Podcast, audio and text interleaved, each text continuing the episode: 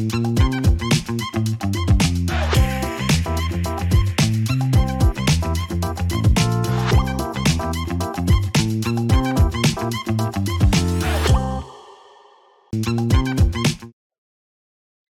الخير واهلا بيكم في حلقة جديدة من Lovin Cairo Show معاكم فرح عبد الكريم و رغدة صلاح. ورجعنا لكم بحلقة جديدة زي ما أنتم عارفين كل يوم we go live الساعة 11 بكل الأخبار اللي فاتتكم. اليوم اللي قبليه أو over the weekend لو إحنا يوم الأحد. وما تنسوش تعملوا لنا mention أو hashtag Lovin Cairo في أي حاجة relating بالقاهرة أو بمصر in general عشان ن feature you على صفحتنا. و follow us على كل platform بتاعتنا. إحنا موجودين على انستجرام فيسبوك تويتر يوتيوب كل platforms possible uh, و we bring you the latest news دايما و the latest scoops و fun community stories ف stay tuned دايما for that ولو فاتتكم الحلقة تقدروا تتفرجوا عليها بالكامل على اليوتيوب أو تسمعوها in podcast form على Google uh, Podcast أنغامي Spotify و Apple Podcasts و are very fun to listen to لو أنتوا في الطريق أو عايزين تسلوا صيامكم ممكن تسمعونا in podcast form. ازيك يا رغد الحمد لله عاملة إيه؟ إيه الأخبار؟ الحمد لله. How was event امبارح اللي إحنا كنا it was really fun صراحة. آم، هنعمل لكم منه برضو كده snippet TikTok يعني وال combine كل ال tour اللي إحنا عملناه امبارح. كنا في ال Grand Egyptian Museum بجد كانت experience حلوة جدا. آه، اتسحرنا هناك الجو كان جميل جدا مم. برد بس كان حلو يعني الهوا كان فيه كده حاسة إن إحنا ما بردناش في الأول يعني في لأ، الأول في الآخر كنا عادي بس. دافيين آه وهم already كان في اللي هي الدفايات اللي بتبقى موجودة عشان برضه لو حد بارد بس هي كانت لطيفة جدا وكانت open air وبتتسحري وقدامك ال ال pyramids كانت صراحة كانت حلوة قوي، يعني كان جميلة. أجواء جديدة ومختلفة وكانت tent لذيذة جدا يعني. حلو جدا. للي ما يعرفش فيه في الجراند ايجيبشن ميوزيوم سحور وإفطار تبع خيمة اسمها سوا آه، بتكون open air هي ما بتكونش جوه المتحف نفسه يعني بيكون بره في الساحة اللي بره المتحف. أنا صراحة افتكرتها تكون جوه جوه المتحف كنت حاسة إن أنا كده هتسحر مع رمسيس. بس طلع إن دي مش الحقيقة يعني. مش ع- ما أعت- آه يعني ما أعتقدش حتى ما كده، ما.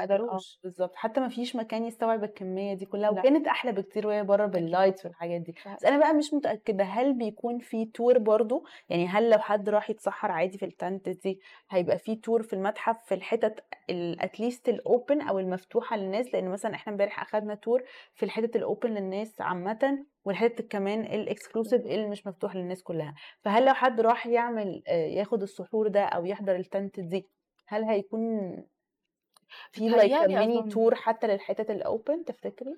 على ما أظن ما أظنش للحتة ال exclusive بس أظن. ممكن لحته ال open أعتقد كده يعني general، ده الحتة ال extra بتاعتها يعني would I go to a tent مثلا في المكان ده هي بجد حتى لو ال vibes حلوة الأنوار وال lights والأكل وانتي شايفة كده ال pyramids قدامك بجد literally بتاكلي وانت بتتفرجي على ال pyramids felt really nice yeah. وكان في هشام خرمة وال ال band بتاعه كلهم كانوا بيعزفوا والمزيكا كانت حلوة جدا. وكان عامل fusion حلو قوي نزلنا لكم برضو شوية stories كان عامل fusion حلو قوي ما بين ال music ال... classical يا ال classical واللي هي زي الحاجات المصرية قوي وما. بين بقى الحاجات الجديدة والشويه يعني مش بوب بس كان في شوية تكنو كده. كان كان fusion جميل قوي يعني. إحنا الحقيقة استمتعنا. الأجواء أنا استمتعت جدا الصراحة. بغض النظر عن Very إن. إحنا آه، نمنا متأخر جدا. فبس اليوم ده صعب بس كانت ال event very worth it. ال venue كان جميل وبصراحه أنا رحت ال Grand Egyptian Museum أخيرا. حاسة إني ما كنت- أنا عمري ما هروحه يعني عارفة حاسة عارفة الإحساس بتاع اللي هو عارفة الأماكن اللي هي مش هتروحيها غير لما تجبري إنك تروحيها مع إن هو مكان حلو قوي. أنا بس دايما متخيلة إن هو بعيد قوي وإن هو صعب الوصول إليه. ودايما عندي إحساس بتاع إنه عارفة المتحف المصري اللي في التحرير انت. صعب تركني صعب توصلي الوقت دايما حر فأنا دايما عندي ال perception ده إنه أي حاجة حكومية أو أي حاجة متاحف أو زيارة أو حاجة سياحية تبقى زحمة قوي هيبقى صعب إنك تركني هيبقى صعب إنك ت function في المكان. بس ده مش حقيقي خالص المكان حلو جدا. المكان مش زحمة خالص المكان واسع جدا وال accessibility ال accessibility سهل جدا وفي parking وال parking is very nice وقريب من البوابات. يعني مش تحس إن أنت ركنت في آخر الدنيا و you have to آخر الدنيا عشان تدخل المتحف خالص. في golf carts بتخدم على المكان. فال museum نفسه ك full experience لا يعني I would go again الحقيقة أيوة. أول ما يفتحوا الحتت التانية اللي هو لأن إحنا خلاص شفناها فبس مكان ممنوع إن إحنا نتصور فيها ف I think إن أول ما يبدأوا يفتحوها يبقى خلاص open للناس كلها we can go again ونروح بقى نتصور وتبقى فاهمة خروجة يعني حاسة إنه هو لسه. مش fully لسه مش fully open ومش كل حاجة. accessible بس أنا أنا نفسي أروح أشرب قهوة في المتحف كده just اللي هو أنا زي بس كان عايزة بص بجد من من أكتوبر نص ساعة. آه يعني أنا من من آخر من آخر زايد كان حوالي تلت ساعة تلت ساعة. ده حقيقي. ف يعني أنا كنت متخيلاه بعيد بصراحة بس لقيت نفسي بسوق بسرعة جدا برجع بسرعة جدا. الموضوع سهل قوي. طرق حلوة دلوقتي كمان الطرق اللي عاملينها جنبه آه، في تحسن جامد جدا الحته دي كانت زحمة. جدا وكانت كمان مش خليني أقول مش مش نظيفة بس كانت عارفة عشوائية شوية. مم. كان في على طول حاجات طالعة من الشوارع وفي كاريتات و يعني ما كانتش ألطف حاجة إنك تسوقي في الشارع ده عامه. دلوقتي بقى نظيف جدا حلو جدا. آه انت سايقة أصلا مستمتعة. انت شايفة حواليكي كل ال hotels اللي على شمالك عاملة tents وعاملة lights وعاملة vibes رمضان. كل المكان على يمينك آه لطيف وكبير وواسع فانت مستمتعة حتى وانت في الطريق.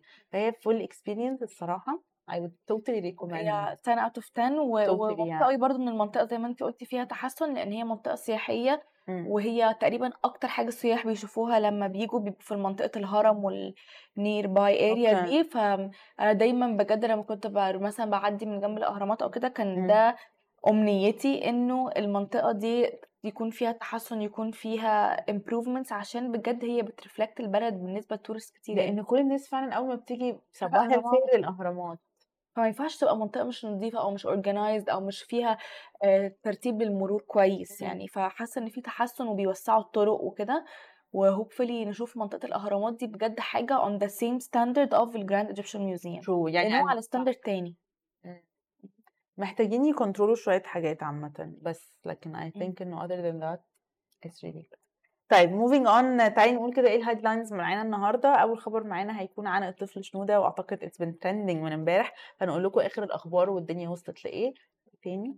وتاني خبر معانا عن شابة مصرية اسمها رنا عبد الحميد عايشة في أمريكا عايشة في أمريكا طول حياتها وعملت حاجة كسرت السوشيال ميديا برضو هنعرفكم إيه هي مش عايزة give away too much. أوكي بعد الخبرين دول هيكون معانا أحمد طارق زي ما أنتم متعودين كل يوم أربع بيكون معانا أحمد طارق وبيتكلم معانا عن كل الأخبار وكل الحاجات الرياضية اللي بتحصل في مصر أو المصريين بيعملوها بره ف stay tuned هيكون معانا محدش يقفل محدش يروح في أي حتة وتعالوا نبتدي بأول خبر معانا النهارده.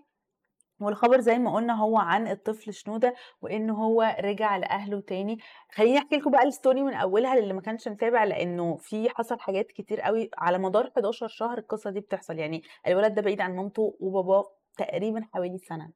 فاللي حصل إنه آه، سيدة مسيحية لقت طفل baby متساب في الكنيسة فأخدته واتبنته وربته وكل حاجة و at some point حد اكتشفوا إنه الولد ده هو أهل الولد مش موجودين ومحدش عارف مين أهل الولد بس at some point حد بلغ أو حد قال إنه الطفل ده متبنى ومش عارفين أصله ومش عارفين آه، هو مسيحي ولا مسلم وهنا بقى كانت المشكلة إن الولد ده مسيحي ولا مسلم وكان في زي قضية والقضية دي فضلت تقريبا 11 سنة.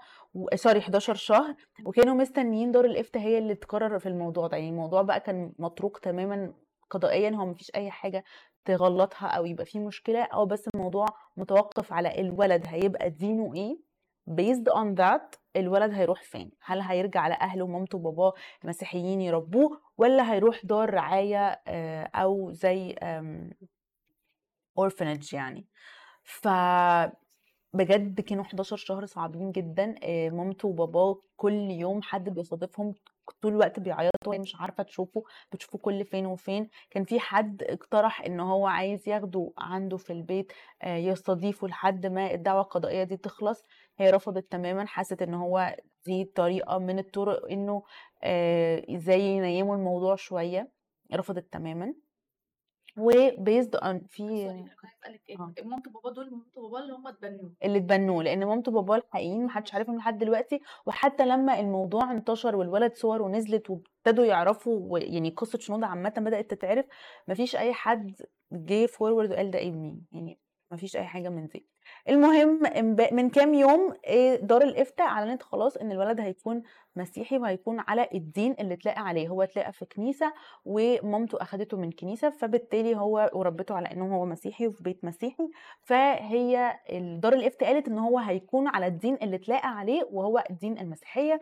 و based on that بعد كده القرار اتاخد إن الولد امبارح خلاص الولد رجع لمامته وباباه وهم ربوه. أو خلاص يعني مامته وباباه اللي ربوه اللي آه، تبنوه يعني وهو خلاص هيرجع لهم وهيبقى معاهم وخلاص كده حلت المشكلة بعد 11 شهر. أنا أكتر حاجة صعبانة عليا 11 شهر.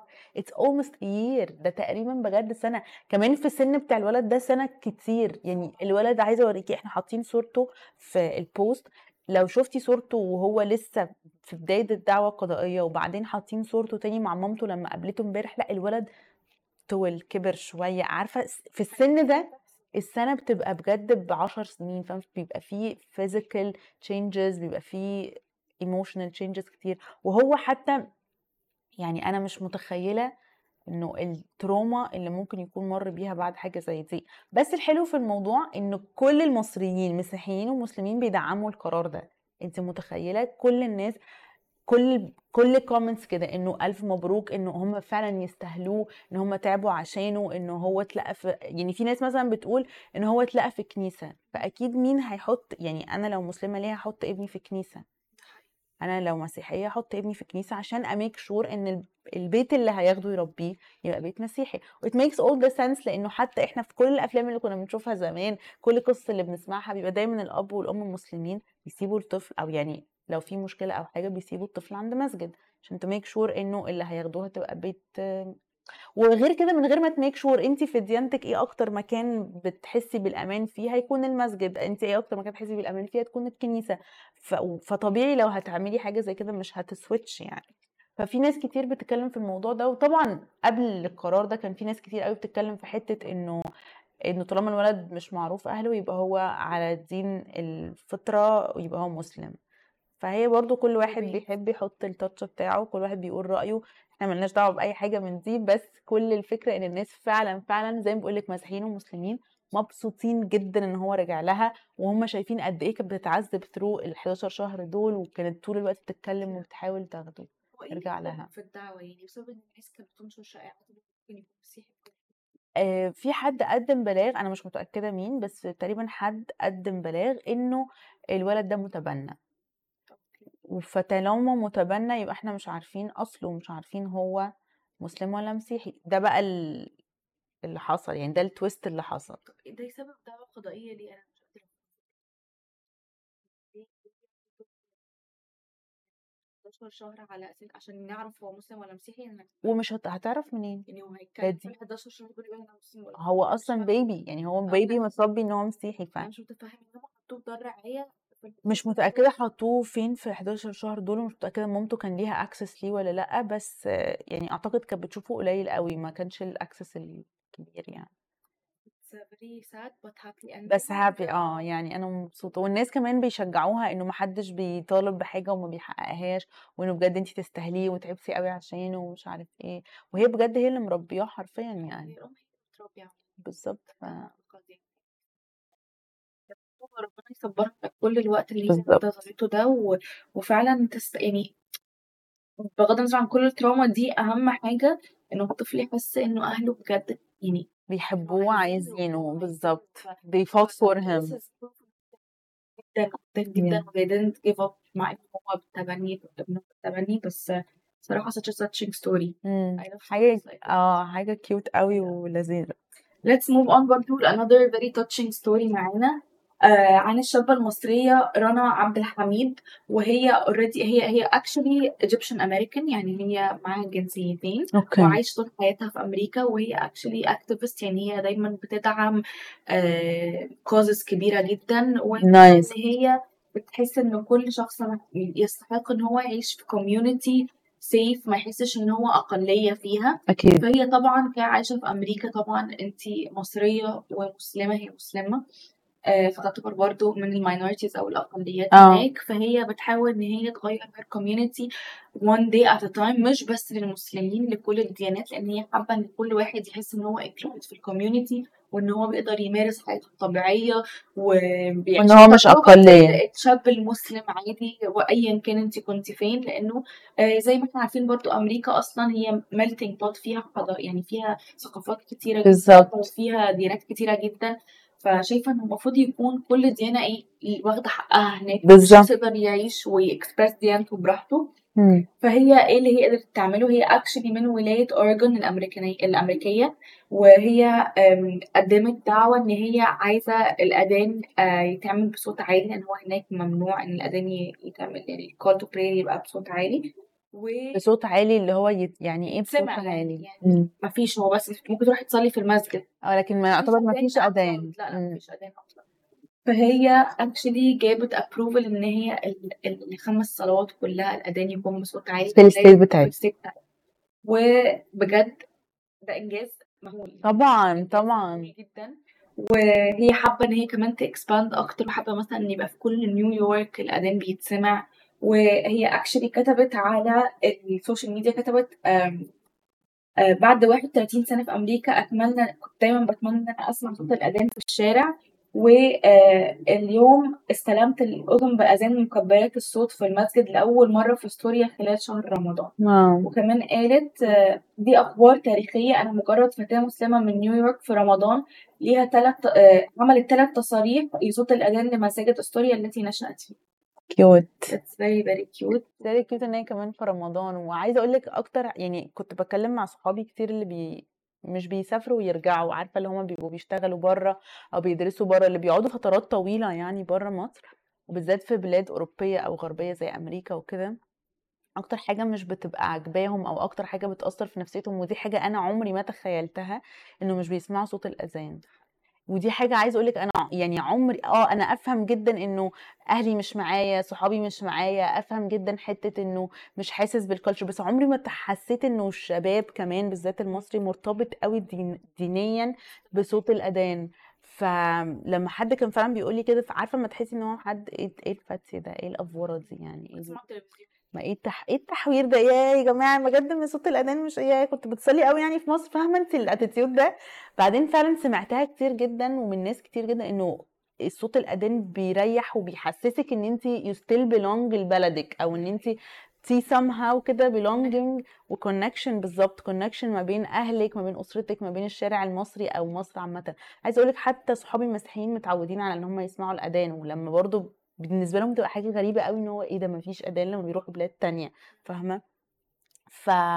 فهي فعلا حاجة هي أكتر من إن هي حاجة دينية هي حاجة برضو nostalgic كده وبتديكي connection ببلدك أو بال origin بتاعك شوية بالذات لما يكون حد هي مثلا متربية في أمريكا بس بالذات لما يكون حد قاعد في بلد عربية وبعدين راح زي التمثيلية بتاعت يسرا دلوقتي هي مم. it's actually revolves عيلة مصرية كانت عايشة في كندا طول حياتها ونازلين مصر. okay. فأول حاجة أول ما سمعوا الأذان وهما في كانوا في راكبين تاكسي وكانوا سمعوا الأذان فقامت الأم قالت لولادها ولاد ولاد الحقوا صوت الأذان اسمعوا ما تسمعش الحاجات دي هناك. وكده okay. وبجد حسيت إنه yes إن ناس كتيرة يعني الناس المغتربين بتمس الحتة دي. ده جامد قوي بالذات لو انت في بلاد غربية لو بلاد عربية طبعا لأ بس بالظبط. على فكرة في بلاد عربية ما بيبقاش فيها برضو الأذان. يا بيبقى فيه و يعني بي... أو بيبقى اللي هو صوت واطي اللي هو يبقى يسمع محيط بسيط جدا مش اللي هو like ال... تبقي في آخر الشارع وسمع الأذان عادي ثلاث أربع مرات من ثلاث أربع مساجد. عندي أنا فعلا. مع إني في مسجد في آخر الشارع. okay. بس يعني ما بيجيبش لحد امم ممكن فعلا. محتاج يبقى صوته أعلى فبس يعني الجيران صراحة لذاذ جدا بيبعتوا على ال groups الأذان الاذان. okay cute. okay. عايزة أقول لك إنه إحنا مثلا في المكان اللي أنا قاعدة فيه عندنا في البيت يعني بنسمعه عادي بس بنسمعه عارفة بعيد اللي هو انت بتسمعيه بس بعيد شوية. عند مثلا جدتي انت بجد بتسمعيه أكنك قاعدة في بق المؤذن. مش ممكن. يعني بجد بت vary من من مكان لمكان ومن منطقة لمنطقة ومن صوت لصوت ومن volume من صوت ل volume من صوت. بجد بحس إن أنا فعلا قاعدة في ودن ال قاعدة جوه المسجد. That was all for today بس لسه معانا segment ال sports ف stay tuned. إحنا ناخد فاصل صغير ونرجع لكم مع طارق بكل أخبار ال sports اللي فاتتكم في الأسبوع. ولو عندكم أي أسئلة برضه we are happy to answer them ف send us your questions وخليكم خليكم معانا ما تمشوش عشان راجعين تاني. هنفكركم بس قبل ما نطلع الفاصل لازم تعملوا لنا follow على كل ال accounts بتاعتنا تيك توك فيسبوك انستجرام يوتيوب وكمان إيه تاني؟ تويتر لازم تعملوا لنا follow على كل ال accounts دي وكمان إحنا بنطلع كل يوم الساعة 11 على كل ال accounts دي live بنتكلم معاكم في كل حاجة حصلت في مصر وكل حاجة بتحصل حوالينا. وكمان لو الحلقة ما لحقتوش تشوفوها تقدروا تشوفوها كاملة على اليوتيوب أو تسمعوها كبودكاست كامل. من على سبوتيفاي أنغامي جوجل وكمان أبل. ودايما بعد ال live بننزل لكم link علشان لو عايزين بقى تستسهلوا بتخشوا على ال link على طول تسمعوا البودكاست بتاع كل الحلقات اللي فاتت. واليوتيوب برضو بعدها بشوية بننزل لكم story بنحط لكم فيها link اليوتيوب عشان تخشوا على طول على الحلقات كلها القديمة والجديدة وكل حاجة. فبس كده يلا. نشوفكم بعد الفاصل.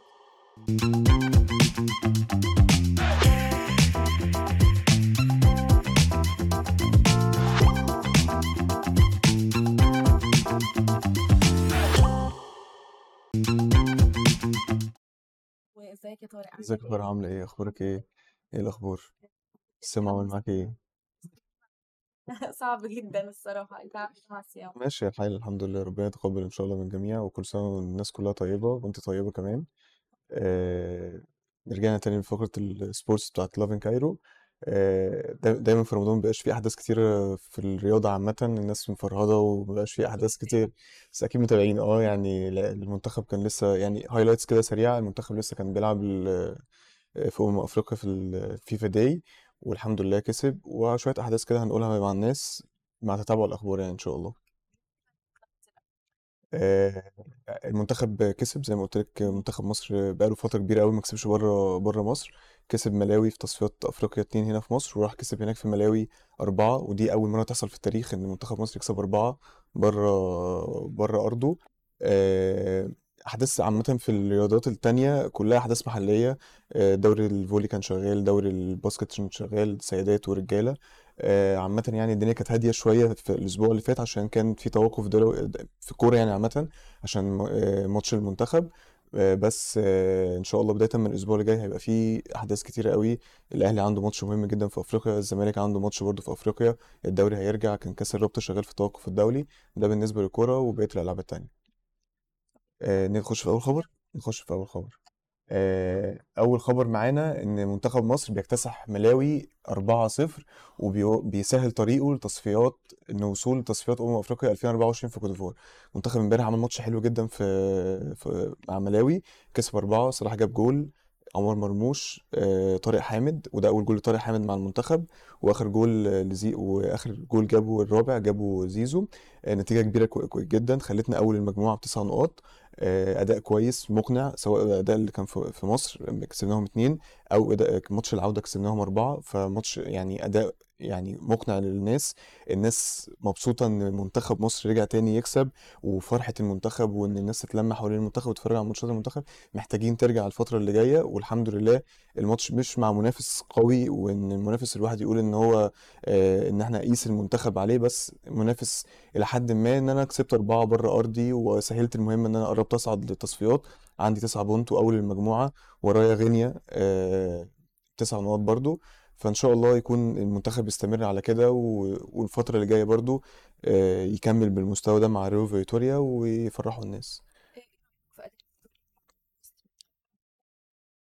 بصي هو لحد الآن فيتوريا ماشي بخطة ثابتة جدا مع المنتخب كسب كل الماتشات اللي لعبها ما خسرش ولا ماتش آه، مسجل يعني جايب تقريبا داخل آه، جايب 13 جول دخل فيه جول واحد بس فده رقم كويس.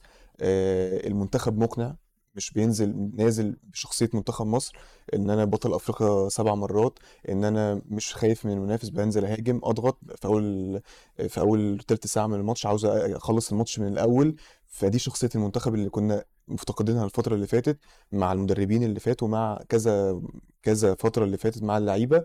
فالحمد لله إن هي رجعت تاني إلى حد ما. لسه ما فيش اختبار حقيقي يتحط فيه المنتخب مع منافس قوي. ما فيش غير منتخب بلجيكا اللي كسبناه في قبل كأس العالم في المباراة الودية. ده المنافس الوحيد اللي كنا قلنا عليه مصنف.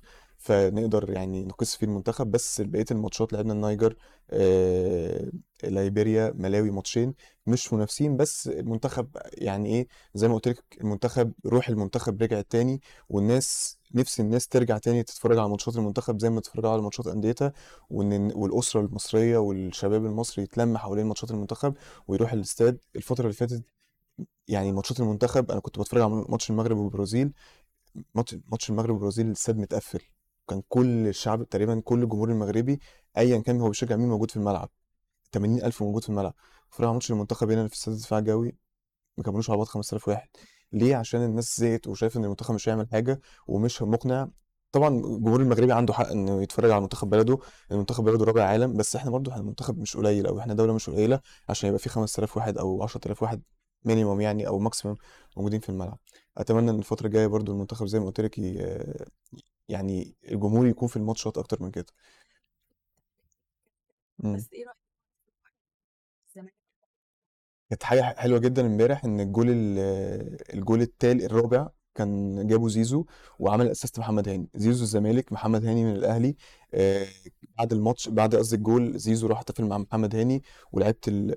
أنا ده منتخب مصر. المفروض بقى منتخب مصر أبقى أركن انتمائي على جنب ايا كان هو انتمائي إيه إن شاء الله حتى كنت بشجع X فريق بس ده منتخب مصر أنا بلعب باسم تيشيرت بلدي بمثل بلدي وبمثل مصر فلازم كل الناس أو كل. سواء الجمهور أو اللعيبة أو ايا كان جمهور لعيبة إداري جهاز فني يركن انتمائه على جنب ويفكر في مصلحة مصر بيشجع بنشجع مصر عشان منتخب مصر يرجع تاني لسابع عصره والجيل ال- والجيل اللي موجود دلوقتي يقدر يعمل إنجازات أحسن من الجيل اللي فات. وزيادة عليها كمان انت إيه زيزو آه، ده كان أنسب اختيار لزيزو مكانه. ال- المدرب حطه في مركز جديد. زيزو كان بيلعب على الخط وينج مكان صلاح. طبعا مستحيل أي حد يلعب طالما صلاح موجود في المنتخب. المكان ده محجوز لصلاح. فروي فيتوريا وظف زيزو ثالث في نص الملعب. توظيف جديد هيساعد هيخدم صلاح إن صلاح مش هيرجع يدافع تاني لأ ده زيزو هيقوم بالمهمة دي إن يخلي صلاح يركز في الأدوار الهجومية وزيزو هيساعده في الناحية اليمين وكمان يغطي ناحيته الناحية الدفاعية بتاعته. ففكر كويس من روي فيتوريا إن هو يحط زيزو في المركز ده. آه، زيزو من اللعيبة المفيدة جدا واللي ممكن توظفه في أي مركز في الملعب سواء باك يمين أو في نص الملعب أو في الناحية الهجومية. فتفكير كويس من الجهاز الفني وروي فيتوريا إن هو يقدر يوظف زيزو وأدى وزيزو أدى فعلا في المكان ده وقدر يثبت نفسه وقدر يخدم على صلاح وعمل assist لصلاح الماتش اللي فات وعمل assist وجاب جول كمان الماتش ده. زيزو بقت حريه أكتر في الملعب. ده أنا أتفق أتفق جدا مع الكلام ده. آه، صلاح دي الميزة اللي كان مفتقدها صلاح مع المنتخب. صلاح مش من النوع اللعيبة قوي في الفترة دي إن هو المفروض يهاجم ويدافع. كان المفروض حد يقوم بدور الدفاعي مكان صلاح وروي فيتوريا وظف زيزو في المكان ده إن هو زيزو هيقوم بالدور الدفاعي وصلاح هيركز في الناحية الهجومية وصناعة الأهداف وتسجيل الأهداف. فده يعني زي ما قلت دي حاجة كويسة جدا إن زيزو يركز في الناحية دي ويخدم على صلاح إن هو ال legend بتاعنا صلاح. إحنا مش عاوزين صلاح الدور اللي عمله صلاح في الماتشين اللي فاتوا هو ده اللي إحنا محتاجينه إن إحنا صلاح يسجل بس ويعمل اسيست بس. آه، اللي اتكلمنا كتير في ماتشات في موضوع المنتخب ده بس هو يعني الخبر الأهم بالنسبة لنا. آه الخبر التاني إن منتخب مصر للس- للشابات آه، وقع في مجموعة إلى حد ما كويسة ومش كويسة في كأس العالم للشباب. آه، منتخب مصر السيدات اللي هو تحت 19 سنة هيلعب كأس العالم للشباب اللي جاية في أسبانيا. القرعة كانت يوم الاثنين المجموعة وقع في المجموعة الرابعة مع منتخب كندا والصين وتشيك. آه، عاوز أقول لك إن منتخب مصر للشابات منتخب كويس جدا. مع معايا ناس بتلعب آه، في دوري الجامعات الأمريكي عندهم experience كويسة جدا آه، وجايين ينقلوها هنا عندنا كمان بنات. شابات يعني كويسين في. في الفرق المصرية سواء سبورتنج الجزيرة الأهلي الزمالك الجيش. فأتمنى إن هم يعملوا نتائج كويسة في. في كأس العالم عملوا بطولة أفريقيا كويسة. كمان ال- ال- اللعيبة الشابات الموجودين دلوقتي بيلعبوا أساسيين في فرقتهم. مش بيلعبوا في في الفريق في فريق الشباب لا ده بيلعبوا في first team في فرقتهم سواء أهلي أو زمالك أو سبورتنج أو الجزيرة زي ما قلت. فأتمنى لهم يعني أتمنى ليهم إن هم يعملوا مستوى كويس وإن هم يمثلوا مصر أحسن تمثيل يعني. جدا. بالظبط يعني ناس كتيرة قوي بي مش هقول مش مش مش بي- بياخدوا بالهم قوي من ال sports في يعني لما الالعاب الجماعية آه آه مم. بالذات للشابات يعني ما فحلو قوي إن هو فيه تركيز عاوز أقول لك كمان إن التوجه العام في جميع الرياضات دلوقتي إن سواء في الكورة أو في الباسكت أو في الفولي أو في الهاندبول التركيز برضو على على ناحية الس- السيدات آه إن في في فعلا ال- اللعبة مش مقصوره على الرجالة بس لأ برضو في في ستات بتلعب اللعبة بطريقة ممكن تكون. قريبة من الرجالة وفي ناس أحسن سواء في الكورة في الباسكت الباسكت إحنا عندنا دوري الستات بتاع الباسكت كويس جدا وكمان زي ما بقول دايما إن الاتحاد الباسكت عندنا اتحاد متطور مطلع بيحب يطور اللعبة عاوز ينشر اللعبة وبالفعل طبعا اتحاد الباسكت نشر اللعبة بطريقة كويسة. أنا واحد من الناس يعني آخر ثلاث سنين كنت بتفرج على باسكت عادي. سواء يعني فريق الأهلي سواء السيدات أو الرجالة لا بتفرج على الباسكت وبتابع وعارف ناس فيه وعارف لاعبات ولاعبين في الباسكت فده حاجة كويسة عملها الاتحاد إن هو نشر اللعبة بطريقة كويسة خلانا نعرف أسماء الناس دي خلاهم معروفين للجمهور وبيتابعوهم بطريقة كويسة. آه، ده كان خبر light كده في النص. الخبر الثالث والأخير معانا إن كريم عبد الجواد لاعب السكواش هو خبر يخص السكواش بقالنا كتير ما قلناش حاجة عنها. كريم عبد الجواد نط 23 مركز في تصنيف الاتحاد الدولي للسكواش أو اللي هم بيسموه رابطة المحترفين للسكواش. نط 23 مركز. كريم عبد الجواد كان عنده إصابة شوية في الركبة بعدته فترة طوي- طويلة عن ملعب السكواش. رجع وكسب بطولة بريسوتيا المفتوحة. آه هو ال... إحنا بصي إحنا متفوقين في السكواش بطريقة غير طبيعية. إحنا في الستات وفي الرجالة إحنا أو واخدين أول عشرة تقريبا تسعة أو 90% منهم مصريين. هقول لك التصنيف بعد شوية. إحنا يعني مثلا إيه في. في الولاد مصطفى عسل ده مصنف رقم واحد. علي فرج الخامس مروان الشرباجي السادس طارق مؤمن السابع مازن هشام التاسع. في ده بص في فرق في الرجالة في فرق. في الستات عندك نوران جوهر الأول هاينا هاينا الحمامي الثاني نور الشربيني الثالث نور الطيب السادس روان العربي التاسع. فانت فانت آه إحنا في سكواش إحنا وانجلترا بس إحنا متفوقين كمان عن إنجلترا بكتير جدا. إحنا اللعبة دي لو اتحطت في الأولمبياد إحنا هناخد كل الميداليات بتاعتها. فأتمنى إن السكواش آه، تتحط في الأولمبياد. هتفرق جدا معانا هت... يعني ال record بتاعنا في الأولمبياد هيعلى جدا بسبب السكواش بالذات. فنرجع تاني للخبر إن الجو... عبد الجواد آه، نط 23 مركز بعد ما كسب البطولة الأخيرة ونوران جوهر حافظت على ال... على ال record بتاعها إن هي لسه في التصنيف الأول وبقالها من 1 إبريل اللي فات بقالها مثلا سنة دلوقتي بقالها سنة ما نزلتش على المركز الأول. فده إنجاز وما حصلش قبل كده في تاريخ التصنيف الاسكواش إن لعيبه اللعيبه تفضل محافظة على المستوى بتاعها الفترة دي. فأتمنى ليهم التوفيق واسم ال... واسم مصر في الاسكواش يفضل مكمل الفترة اللي جاية. بالظبط. سهل قوي إن الواحد لما يوصل لمركز أول يحس ان خلاص أنا آه أنا عملت كل حاجة آه عملت كل حاجة آه. خلاص بالظبط. مش لازم عندك حق. فهو ال challenge إن أنت تفضل تكمل وتكافح إن أنت تفضل ماسك ال position دي مبسوطه قوي لأن هما بي represent وا البلد بالظبط بالظبط. وكمان الناس عاوز أقول كمان على حاجة الناس اللي بره بييجوا يتعلموا عندنا. يعني اللي عاوز يتعلم سكواش بيجي يتعلم عندنا سكواش إن إحنا إحنا ال... يعني زي يعني عاوز أقول بالمعنى البلدي كده إحنا جوه اللعبة. إحنا ال... إحنا اللي فاهمين فيها وإحنا اللي متفوقين فيها فإحنا اللي هنعلم الناس وإحنا اللي بنديهم كورس وإحنا اللي بنقول لهم إزاي يلعبوها وإزاي يتفوقوا فيها. فأتمنى إن اتحاد الاسكواش والناس تكمل في في المستوى ده. وإن شاء الله آه بالظبط وإن شاء الله اسم مصر يفضل موجود دايما في كل المحافل الدولية. ولو عايزين تشوفوا الحلقة بالكامل أو فاتكم أي حاجة من المعلومات دي حابين تعرفوا عنها أكتر بننزل الحلقة بالكامل على اليوتيوب أو تقدروا تسمعوها in podcast form. برضو لو بتحبوا الرياضة ممكن تسمعوها وانتوا في الطريق أو تسلوا صيامكم وتعرفوا على حاجات جديدة في الرياضة أو تعرفوا إيه الأخبار اللي فاتكم الأسبوع اللي فات. فما تنسوش إن أنتوا تسمعوها ال podcast form على Google Podcasts Apple Podcasts أنغامي. أو Spotify أو زي ما قلت لكم على يوتيوب الحلقة الكاملة لو عايزين تتفرجوا عليها. واعملوا لنا follow على كل ال platforms زي ما أنتم عارفين ويومكم جميل إن شاء الله.